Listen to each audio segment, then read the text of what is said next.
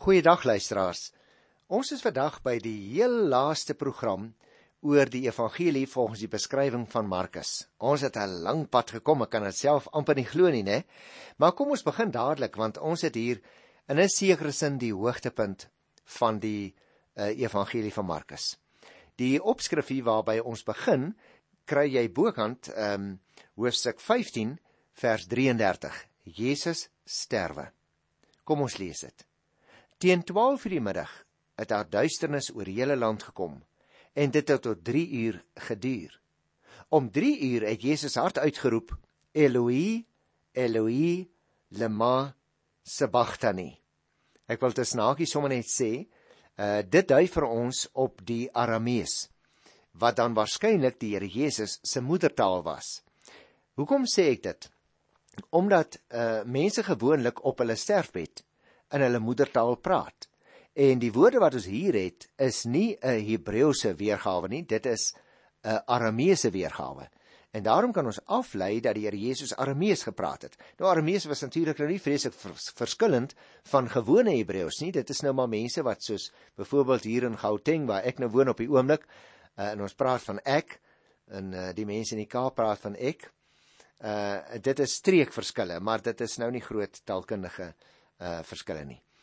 So Jesus uh bid dus en sê Eloi Eloi lema sabachthani. Dit beteken my God, my God, waarom het u my verlaat? Toe party van die mense wat daar naby gestaan het, het hoor sê hulle, hoor daar, hy roep vir Elia. Jy sien, want klink vir hulle net soos die woord Elia, Eloi, Elia want die Romeine het natuurlik nou nie Hebreëus so goed geken nie. Een van hulle het toe gehardloop, 'n spons in suurwyn gesteek en vir Jesus op 'n stok gehou om te drink. Hy het gesê: "Wag. Kom ons kyk of Elia hom van die kruis af kom afhaal." Ag, is dit nie verskriklik wat nou hier gebeur nie, luisteraars. Maar goed, kom ons kyk daarna. Die Here Jesus het nie hierdie vraag My God, my God, waarom het U my verlaat? In wanhoop gevra nie. Hy het dit ook nie in verbasing gevra nie. Dit is eintlik maar net 'n aanhaling uit Psalm 22 vers 2. En die hele Psalm, as jy dit daar gaan lees, is trouens 'n profesie wat handel oor iemand se ontsettende lyding vir die sonde van ander. Here Jesus het natuurlik geweet dat hy tydelik van die Vader geskei sou word wanneer hy die sondes van die wêreld op hom neem. Dit is juis waarvoor hy gekom het. Hy dra die sondes, hy staan onvoorwaardelik aan die kant van die sondaars. En dit was hierdie skeiding wat tydens sy gebed in Getsemane juis soveel droefheid en ontsteltenis by hom veroorsaak het. Die liggaamlike pyn wat hy moes verduur, was al klaar verskriklik. Maar die skeiding van God ter wille van sonde was die ergste lyding van alles dink ek. Jesus vertrou egter sy Vader om hom ook deur hierdie lyding heen deur te begelei. En daarom Jesus se oproep Elohi is 'n uitdrukking van hy hou nog steeds aan die Vader vas. Hy roep tot sy hemelse Vader in sy moedertaal. Nou luister na vers 37. Daarna het Jesus hard uitgeroep en die laaste asem uitgeblaas. En hierdie harde uitroep luisteraars van die Here Jesus was waarskynlik sy laaste kruiswoord. Dit is volbring.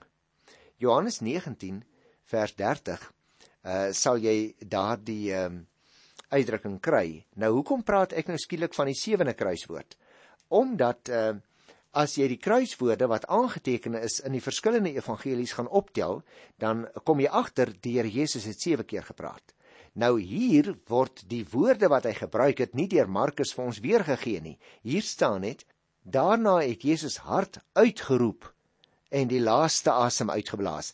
Dit blyk dus dat Markus vir ons sê hierdie keer toe hy uitgeroep het, het hy onmiddellik daarna sy laaste asem uitgeblaas.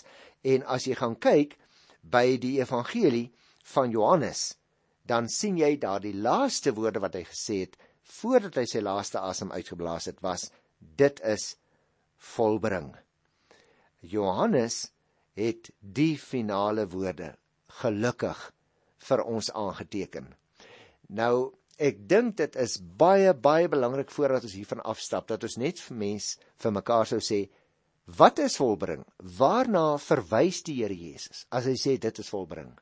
Praat hy van sy lyding? Ja, ons sou dit seker kon sê want sy lyding was nou op 'n einde. Hierna sou sy pad van verheerliking uh begin wanneer hy opstaan uit die dood. Maar ek dink dit slaan op meer as dit. Dit slaan op die feit dat die finale prys vir ons sondes betaal is. Dit is volbring. Jy hoef nooit weer 'n ander prys betaal te betaal nie. Die tyd vir die bloedige offers is nou verby. Met my eie liggaam en bloed betaal ek dit. Dit is volbring. Dit is geweldig aangrypende woorde. Maar daarin is die hele hart, die bedoeling van Jesus se koms aan die wêreld toe saamgevat. Luister na vers 38. Die voorhangsel in die tempel het van bo tot onder middeldeur geskeur. Nou sou jy nog onthou toe ons dit behandel het in uh, die die boek Eksodus dat daar 'n swaar gordyn was in die voorhangsel tussen die gebied wat bekend was as die heilige en die allerheiligste. En dit was nou die deel wat God vir homself afgesonder het. God is op simboliese wyse deur die voorhangsel van die sondige mens geskei. Slegs die hoë priester kon een keer 'n jaar ingaan in die allerhoogste. En hierdie voorhangsel het nou van bo tot onder in twee geskeur. Hoekom? Want op grond van wat Jesus Christus gedoen het, het jy en ek vrye toegang tot God. En luister wat staan vers 39. Toe die offisier wat reg voor Jesus gestaan het, om die laaste asem so sien uitblaas het, het hy gesê: "Hierdie man was werklik die seun van God. Is dit nie wonderlik nie? 'n Sekere Romeinse offisier, nê, 'n heiden wat die Jode betref. 'n Romeinse offisier wat in bevel was van die gebeure by Jesus se kruisiging, maak hierdie uitspraak naamlik dat Jesus die seun van God is. En ek dink luisteraars, dit is sekerlik die hoogtepunt van die vertelling volgens Markus. Sy verhaal wou juis dit tuisbring dat Jesus die seun van God is. Vers 40. Daar het ook vroue op 'n afstand gestaan en kyk. Onder hulle was Maria Magdalena, Maria die moeder van uh, klein Jakobus en Joses en Salome. Toe Jesus nog in Galilea was, het hulle oral saam met hom gegaan om versorg. Baie ander vroue wat saam met hom na Jerusalem toe gekom het, was ook daar. Nou is dit nie merkwaardig nie dat vroue so 'n prominente plek ingeneem het in al die vertellings oor Jesus se lyding. Die dames wat luister, ek wonder julle het daarom seker 'n wonderlike plek uh in die Here se hart, nie waar nie? Want julle het hom van die begin af gedien. En nou wil ek net voordat ons die volgende stukkie behandel vir u vra, hoe hoe dink jy Hoekom moes die Here Jesus sterwe? Die antwoord is eenvoudig. Die sondeval het 'n kloof veroorsaak tussen God en mens. En slegs iemand wat werklik God en mens is, kon die skeur heel maak en die mens weer met God versoen. Die Here Jesus Christus het in ons plek die hoogste prys betaal sodat die mens volle verlossing kon ontvang. Hy het al ons skuld op hom gedra. Al ons sonde het hy op hom geneem soos die profeet Jesaja ook skryf, nie waar nie. Daarom het ons verlossing van sonde ontvang, as ook van die gevolge van sonde, naamlik die dood en die ewige oordeel. Daarom kan ons uitgaan in die gawe van die ewige lewe wat deur Jesus Christus se kruisdood en ook later deur sy opstanding verdien is, ten volle gaan lewe.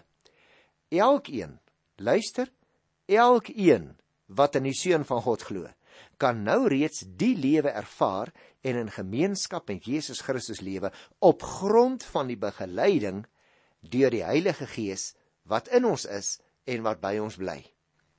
Kom ons kyk dan na sy begrafnis van vers 42 af. Dit was Vrydag. Dit is die dag voor die Sabbatdag en dit was al die middag laat. Josef van Arimatea, 'n vooraanstaande lid van die Joodse Raad en iemand wat self ook uitgesien het na die koms van die koninkryk van God, kom toe daaraan. Hy het dit gewaag om na Pilatus toe gegaan en die liggaam van Jesus te vra. Nou eh, die Sabbat het natuurlik geduur van Vrydag son onder af tot Saterdagmiddag son onder. En Jesus, blyk dit nou, het enkele ure voor son onder op daardie Vrydag gesterf. Daarom sal jy onthou het ek in 'n vorige program vir jou gesê, daar was nie nog tyd om sy liggaam te salf nadat hy gesterf het nie, want hy moes so gou as moontlik begrawe word want was die gebruik van die Jode om voor son onder die persoon wat gedurende die loop van die dag gesterf het te begrawe. Dit was strydig met die Joodse wette om op die Sabbat werk te verrig of te reis, maar dit was ook teen die wet om 'n liggaam oornag aan 'n kruis te laat hang. Gaan kyk maar in Deuteronomium 21, daar by die 23ste vers. Josef wat uh, nou van die dorpie Arimatea afgekom het, het Jesus se liggaam gaan haal en hy het dit voor die aanbreek van die Sabbat begrawe. As Jesus op die Sabbat gesterf het, met ander woorde, op 'n tyd toe Josef nie beskikbaar kon wees nie, sou die Romeine sy liggaam net van die kruis afgehaal het. En as dit gebeur het, sou die Jode nie kon sien dat hy waarlik gesterf het nie. En dan sou hulle moontlik nog 'n rede gehad het om die opstanding wat daarna plaasgevind het in twyfel te trek. Josef van Arimatea tussen hakies was 'n lid van die Joodse Raad en hy kan waarskynlik as 'n geheime disipel beskou word. Hoekom sê ek dit? Hy was nie gediend met die Joodse Raad se uitspraak teen Jesus nie, maar hy kon Jesus natuurlik ook nie openlik volg nie. Kom ons kyk nou na vers 44. Pilatus was verbaas om te hoor dat hy al dood is. Hy het die offisier laat roep en hom gevra of Jesus lankal gesterf het. Toe hy van die offisier verneem dat dit wel so is, het hy die lijk vir Josef gegee. Daar is vandag nog mense wat Jesus se opstanding in twyfel trek, wat self so ver gaan om te beweer dat hy nooit gesterf het nie. Sy dood is egter deur die soldate bevestig, het jy opgemerk, en ook deur Pilatus en Josef, die geestelike leiers en die vroue wat gesien het hoe hy begrawe word. Jesus het waarlik na die liggaam aan die kruis gesterf.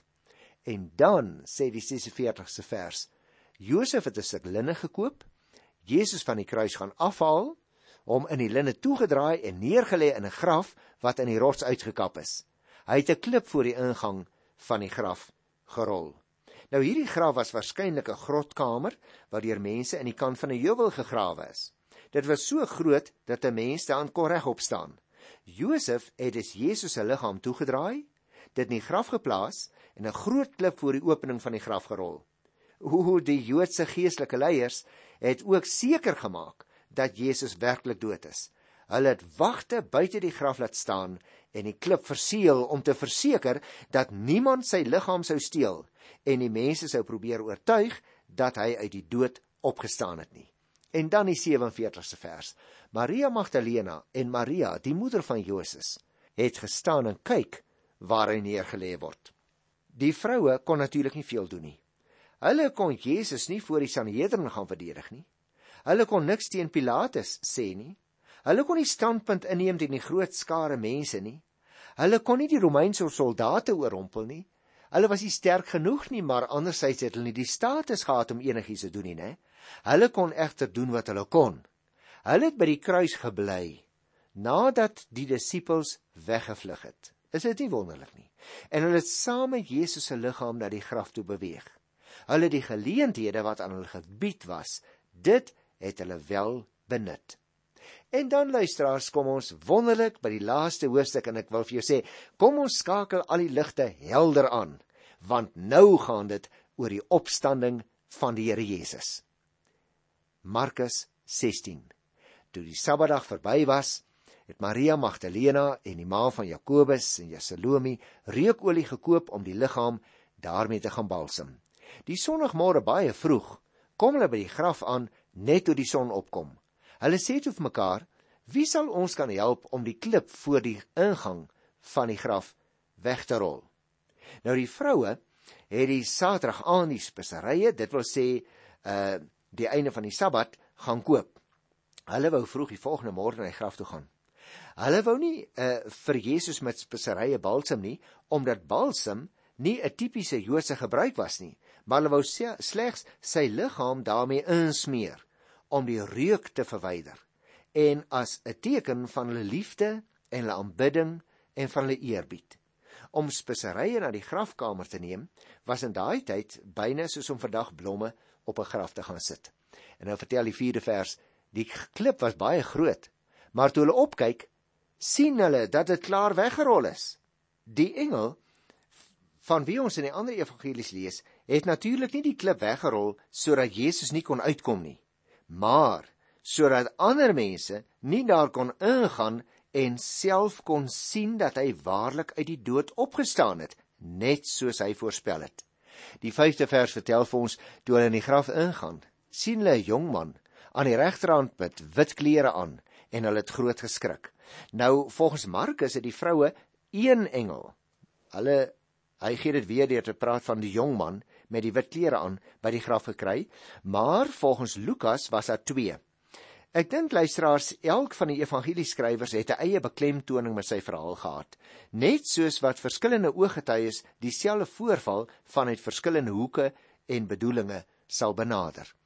Die 6ste vers sê: Moenie skrik nie, sê hy vir hulle. Julle soek Jesus van Nasaret wat gekruisig is. Hy is uit die dood opgewek. Hy is nie hier nie. Kyk, daar is die plek waar hom neergelê het. Nou luisteraars, die uh, liggaamlike opstanding van Jesus is om verskillende redes vir ons baie baie belangrik. Hy het dit voorspel en dit het plaasgevind. Die opgestane Jesus is die lewende Here en hy is verseker nie net 'n idee of hoop waarop ons hoop nie. Sy opstanding is juis die waarborg dat ons ook soos hy sal opstaan, Paulus skryf dit later. Jesus se opstanding is die kern en die hoofmoment van die Christelike kerk se getuienis. Daar is mense in ons tyd wat sê, wel eintlik al die eeue het nie opgestaan nie, maar Paulus sê dan neem jy die hele kern uit die evangelie. Hy sê dan is ons geloof en ons prediking te vergeefs. Luister, ons glo nie maar aan aan die mooi dinge wat 'n besondere leermeester gedoen het nie, maar ons glo aan die opgestane lewende Here. En daarom is die feit van sy opstanding so belangrik. Vers 7 sê: "Gaan sê vir sy disippels en in die besonder vir Petrus, hy gaan julle vooruit na Galilea toe. Daar sal julle hom sien soos hy vir julle gesê het." Let op. Die engel het spesifiek Petrus se naam genoem om aan te toon dat Jesus nie die rug op hom gekeer het nie al het hy vroeër die Here Jesus verloon. Is dit nie wonderlik nie? Daar het nog 'n groot taak op Petrus gewag in die kerk wat tot stand sou kom. Al het hy die Here Jesus verloon. Kom ek lees die 8ste vers. Hulle het uit die graf uitgegaan en weggehardloop terwyl hulle gebewe het van skrik. Hulle het vir niemand anders iets daarvan gesê nie, want hulle was bang. En dan gaan die verhaal onmiddellik daarna voort uh, met Jesus se verskyning na sy opstanding. Vers 9 sê: Na Jesus se opstanding vroeg die sonoggmore, het hy heel eers aan Maria Magdalena verskyn, uit wie hy van tevore sewe bose geeste gedryf het. Sy het dit vir sy disippels gaan vertel wat oor hom getreur en gehuil het. Alhoewel hulle by gehoor het dat hy lewe en dat sy hom gesien het, het hulle tog nie geglo nie. Daarna Jesus met 'n ander voorkoms aan twee van hulle verskyn terwyl hulle op pad was na die platteland toe. Hulle het dit vir die ander disippels gaan vertel, maar die het selfs vir hulle ook nie geglo nie. Die 14de vers sê Later het Jesus aan die 11tal verskyn terwyl hulle aan tafel was. Hy het hulle verwyd oor hulle ongeloof en hardheid van hart omdat hulle die wat hom na sy opstanding gesien het nie geglo het nie. Hy het vir hulle gesê: "Gaan uit die hele wêreld in en verkondig die evangelie aan die hele mensdom." Luisteraars, indien hier sprake is van die verskyning aan die Emmausgangers, dan word die indruk nou hier gewek dat hulle disippels was wat nie die geval was volgens Lukas 24 se vertelling nie. Met ander woorde, ek dink nie ons moet sommer net uh, die afleiding so deurtrek nie. Maar die 15de vers wat ek nou gelees het uh en wat sê dat Ons moet oppas want hy het vir hulle gesê gaan uit die hele wêreld in verkondig die evangelie aan die hele mensdom. Die Here Jesus het vir sy disippels gesê om die hele wêreld, het jy hoor, in te gaan en vir almal te vertel dat hy die prys vir sonde betaal het, sodat almal wat in hom glo, vergifnis kan ontvang, die ewige lewe kan hê. Nou, daar is natuurlik vandag nog oral in die wêreld Christen disippels wat vir mense wat nog nooit van Jesus gehoor het nie, die goeie nuus vertel. Sendelinge byvoorbeeld. Hulle word dwars deur die wêreld aangevuur deur die vaste geloof wat juis op die opstanding van die Here Jesus gegrond is. Dit gee aan die kerk van Christus groeikrag. Die 16de vers: Wie tot geloof gekom het en gedoop is, sal gered word. Wie nie glo nie, sal veroordeel word. Jy sien, die water waarmee 'n mens gedoop word, of dit nou baie water is of min water is, dit is uh, dink ek totaal irrelevant. Maar die water waarmee 'n mens gedoop word, kan jou nie red nie. Nee, dit is God se genade wat deur die geloof in Christus ontvang word wat red. Die doop is maar net 'n uiterlike teken van die deel wees van Christus se kudde. Kom ons lees nou verder. Ek is nou by Markus, die laaste hoofstuk. Dit is hoofstuk 16, die laaste paar verse. Ek lees by vers 17. Die volgende wondertekens sal voorkom by die wat glo. In my naam sal hulle bose geeste uitdryf. In ander tale praat. Met hulle hande sal hulle slange optel. En as hulle iets drink wat dodelik giftig is, sal dit hulle nie kwaad doen nie. Hulle sal siekes die hande oplê en hulle sal gesond word. Nou dit is belangrike uitsprake dink ek wat hier staan luisteraars. En miskien moet 'n mens net 'n oombliekie daaraan ook aandag gee. Dit gaan nie so seer oor die wonderwerke nie. Dit gaan oor hoe die Here die disippels wat die wat moes uitgaan as apostels, as gestuurdes om die grondslag van die kerk te gaan lê, hoe hy hulle op 'n besondere manier toegerus het en dit kan natuurlik vandag nog gebeur want die Here is almagtig. Luister nou vers 19. Nadat die Here Jesus dit vir hulle gesê het, is hy in die hemel opgeneem en hy het aan die regterhand van God gaan sit. O, die Here Jesus was nie meer liggaamlik by die disippels teenwoordig nie nadat hy opgevaar het nie. Die feit dat hy nou aan God se regterhand sit, dui juis dat sy aardse sending afgehandel is en dat hy as die Here verheerlik is. En luister nou hoe sluit Markus sy evangelie af hier in die laaste vers. Hulle toe die evangelie oral gaan verkondig en die Here het met hulle saamgewerk en hulle prediking bekragtig deur die wondertekens wat daarop gevolg het. Dit is nou net juis van daardie wondertekens wat ons sopas gelees het. Jy sien, die evangelie volgens Markus lê die klem op Christus as die seun van God en ook op sy diensbaarheid Dit het ons reg by die begin af mekaar gesê. Sy lewe en sy boodskap sou die hele wêreld in beweging bring. Die wêreld beskou mag as iets wat 'n mens gebruik om ander tot jou eie voorbeeld te manipuleer. Jesus wat al die mag en al die gesag in die hemel en op die aarde het, het egter verkies om te kom dien. Hy het kindertjies in sy arm gehou, siekes gesond gemaak, sy disippels se voete gewas, vir die sondes van die wêreld gesterf. As gelowiges word jy en ek tot diensknegte van Christus geroep. Ons moet ook met toewyding dien, net soos wat Jesus Christus gedien het. Luisteraars, gelowiges, kinders van God, was dit nie wonderlik om saam op hierdie boot te wees van hawe tot hawe te ry in die evangelie van Markus nie. Dit was vir my 'n wonderlike voorreg om jou daaroor te gesels.